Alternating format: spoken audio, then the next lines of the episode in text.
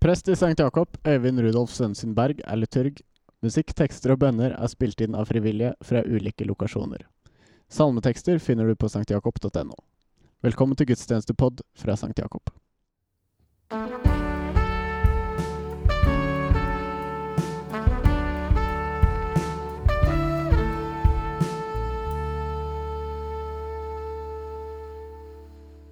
Kjære alle sammen. Nåde være med dere, og fred fra Gud vår Far og Herren Jesus Kristus.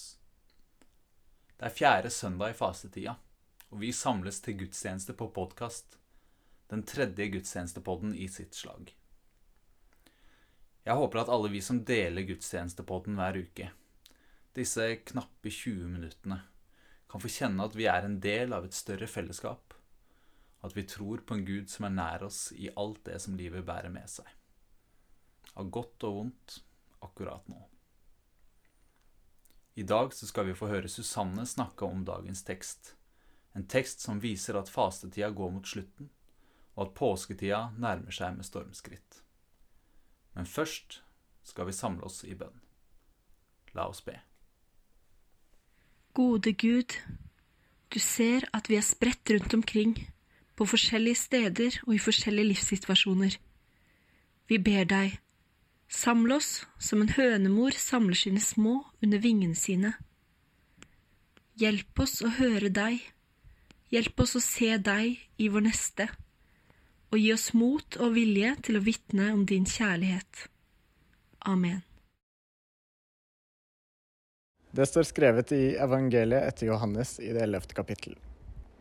Mange av jødene som var kommet til Maria og hadde sett det Jesus gjorde, kom til tro på ham. Men noen gikk til fariseerne og fortalte hva han hadde gjort. Da kalte overprestene og fariseerne sammen rådet, og de sa, Hva skal vi gjøre? Dette mennesket gjør mange tegn. Lar vi ham holde på slik, vil snart alle tro på ham. Så kommer romerne og tar både det hellige stedet og folket vårt. En av dem, Kaifas, som var øversteprest det året, sa da Dere skjønner ingenting. Dere tenker ikke på at det er bedre for dere at et menneske dør for folket, enn at hele folket går til grunne. Dette sa han ikke av seg selv, men fordi han var øverste prest det året, talte han profetisk om at Jesus skulle dø for folket. Ja, han skulle ikke bare dø for folket, han skulle også samle til ett de Guds barn som er spredt omkring. Fra denne dagen la de planer om å drepe ham. Slik lyder Herrens ord. I søndagens tekst tas vi inn i en scene hvor det øverste styringsrådet blant jødene diskuterer hva de skal gjøre med Jesus. De har selv vært vitne til at han gjør mange tegn, og at stadig flere slutter seg til han. Og er bekymret for at Jesus' sin popularitet vil føre til et opprør som kan ødelegge freden det jødiske samfunnet har med romerne. Derfra legger de en plan om å drepe han. Fra øyeblikket Jesus døde på korset, og frem til de faktisk forsto at han var oppstanden, gikk disiplene gjennom mange faser. Sorg, frykt, fornektelse, sinne, forvirring, tvil. Alt tydet på at plottet om å drepe han som hadde snudd livene deres på hodet, og gitt håp om at Guds rike var nær, hadde blitt fullbyrdet. Jeg har flere ganger tenkt hvor glad jeg er for at disiplene reagerte som de gjorde. Ved det har de skapt et rom for alle reaksjoner i møte med det uhåndterlige. I disse dager er det mange som kjenner på sterke følelser tilknyttet situasjonen med koronapandemien. Nylig leste jeg en kronikk om at sinne nå har begynt å bygge seg opp i det norske folk. Og det er ikke så rart, sier kronikkinnsenderen da sinne og frykt er to emosjoner som ligger helt tett opp mot hverandre. Hverdagene våre er snudd på hodet, og vi lever dag til dag i påvente av nye opplysninger om situasjonen. Da er det veldig innenfor å kjenne på sinne, frustrasjon, redsel, sorg eller hva enn det måtte være. Disiplene fikk til slutt kjenne på det som har vært en helt ubeskrivelig glede når de endelig innså at oppstandelsen var et faktum. Døden fikk ikke det siste ordet. Siden da har Jesus vært det fremste vitnet om at lyset er sterkere enn mørket. Et håp som har båret mennesker gjennom tunge prøvelser og tilsynelatende håpløse situasjoner. Det kanskje sterkeste bildet som dukker opp i hukommelsen min når jeg tenker på håpet som er sterkere enn all ondskap, er Rosehavet utenfor Domkirken i etterkant av 22.07.2011. I en tid hvor vi ikke hadde ord for å beskrive det inhumane som rammet vårt lille land, var hver rose en deklarasjon på at livet skal seire til slutt. Rosehavet vitnet om samholdet og nestekjærlighet, noe vi også ser spirer frem i samfunnet vårt nå. Bare at istedenfor roser, så ser vi nå Facebook-grupper hvor folk tilbyr alt fra handling til å gå tur med andres hunder. Flere frivillige samtaletjenester på alle former for digitale og sosiale medier. Artister som holder gratis digitale livekonserter. Og alt annet som har bidratt til hashtagene 'Together at Home' og 'Sammen er vi sterke'. Hvert tiltak er en deklarasjon på at også denne formen for ødeleggelse skal livet seire over. Søndagens tekst peker også på noe annet viktig i møte med det som gjør vondt. Kaifas, øverstepresten, hadde egentlig en politisk agenda med å drepe Jesus og bevare freden med romerne. Til de andre i rådet sier han Dere tenker ikke på at det er bedre for dere at ett menneske dør for folket, enn at hele folket går til grunne. Kaifas profeterer her om at Jesus skal dø for folket, noe som har en mye dypere betydning enn det han selv var klar over. I og med at det alltid var Guds plan å dø, kan denne bruken av Kaifas i oppløpet fortelle oss et par ting. For det første at Gud kan snu onde hensikter til noe godt. Og at Gud kan bruke alle personer. Gode som dårlige statsledere. Innflytelsesrike som alminnelige personer. Fengselsinnsatte som fredsforkjempere, til å vitne om sin kjærlighet. Det siste håpsbudskapet i denne teksten, som jeg vil trekke frem, virker å tale spesielt til situasjonen vi står i nå. Det står Ja, han skulle ikke bare dø for folket. Han skulle også samle til ett de Guds barn som nå er spredt omkring. Om dette er et budskap om den evighet som venter oss, så kan vi også håpe på at vi en gang, om ikke så altfor lenge, kan samles igjen på skoler, arbeidsplasser og i menigheten.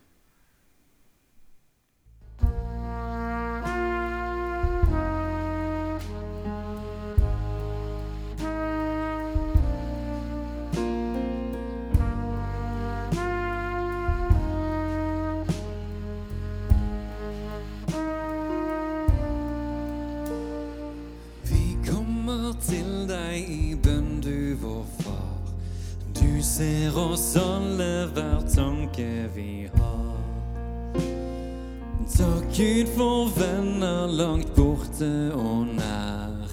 Lær du oss fellesskap, vi som er her. La oss stå sammen i fred om ditt bord. Ansikt til ansikt med verden. Vi vil bygge din kirke, gå ut på ditt ord. Gud, gi oss styrke til ferden. Kommer til deg i bønn, du vår far. Du ser oss alle hver tanke vi har.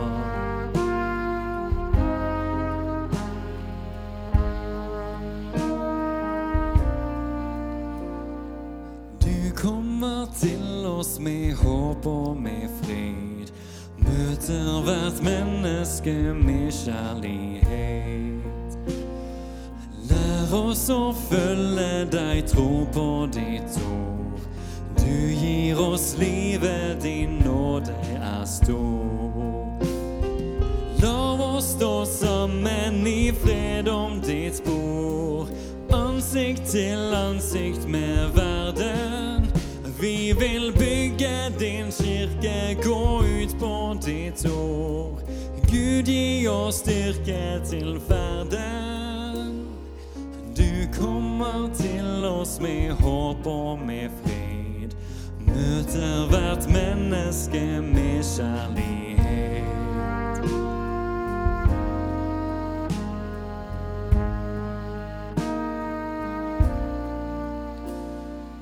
Nå står vi samlet, vi kommer til deg. Herre, vi ber om at du viser vei.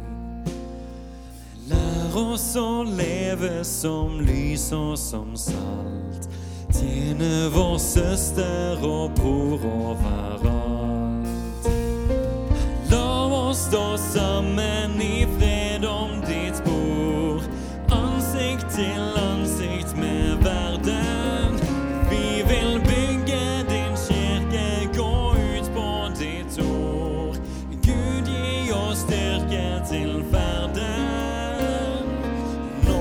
vi samlet, vi kommer til deg. Herre, vi ber om at du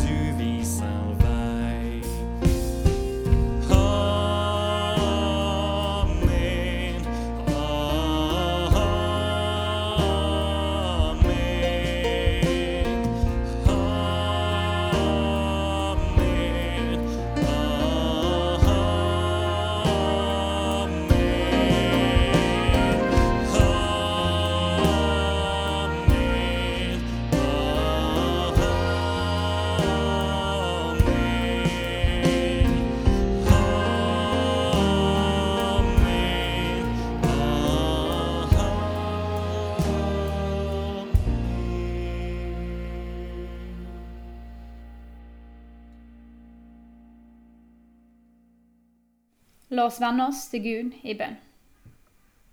Gode Gud, vi takker deg for denne dagen. Vi takker for at du har skapt oss i kjærlighet og gitt oss evnen til å elske hverandre. Vi ber deg, vær nær hver enkelt av oss.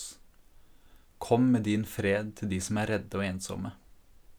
Ta deg av de som er smitta og de som er syke. La de bli friske igjen. Beskytt de som arbeider i helsevesenet og omsorgstjenesten. Gud, hjelp oss å høre det rop du har hørt, og se den nød du har sett, og elske vår neste som oss selv. Gud, vi ber.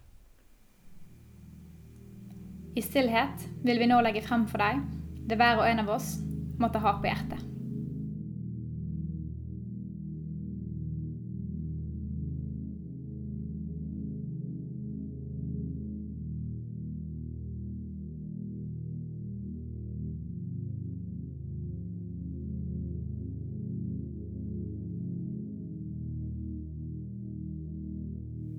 Gud, skap i oss tro, håp og handling.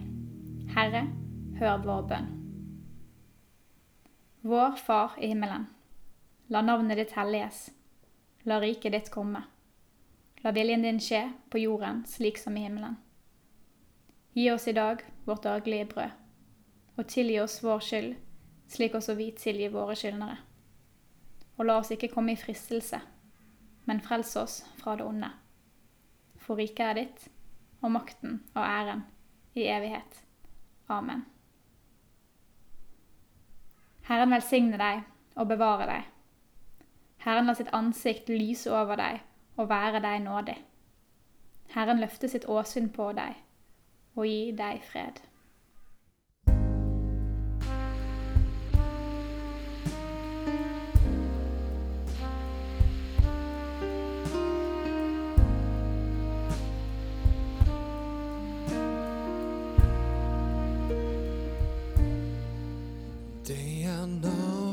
Ditt jeg roper, vil du følge meg?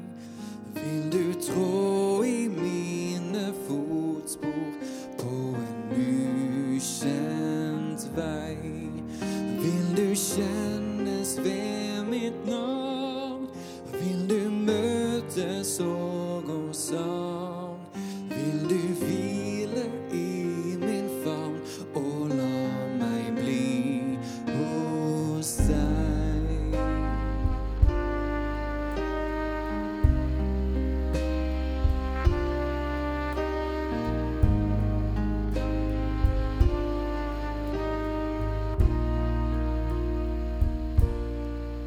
Vil du ta det første skrittet?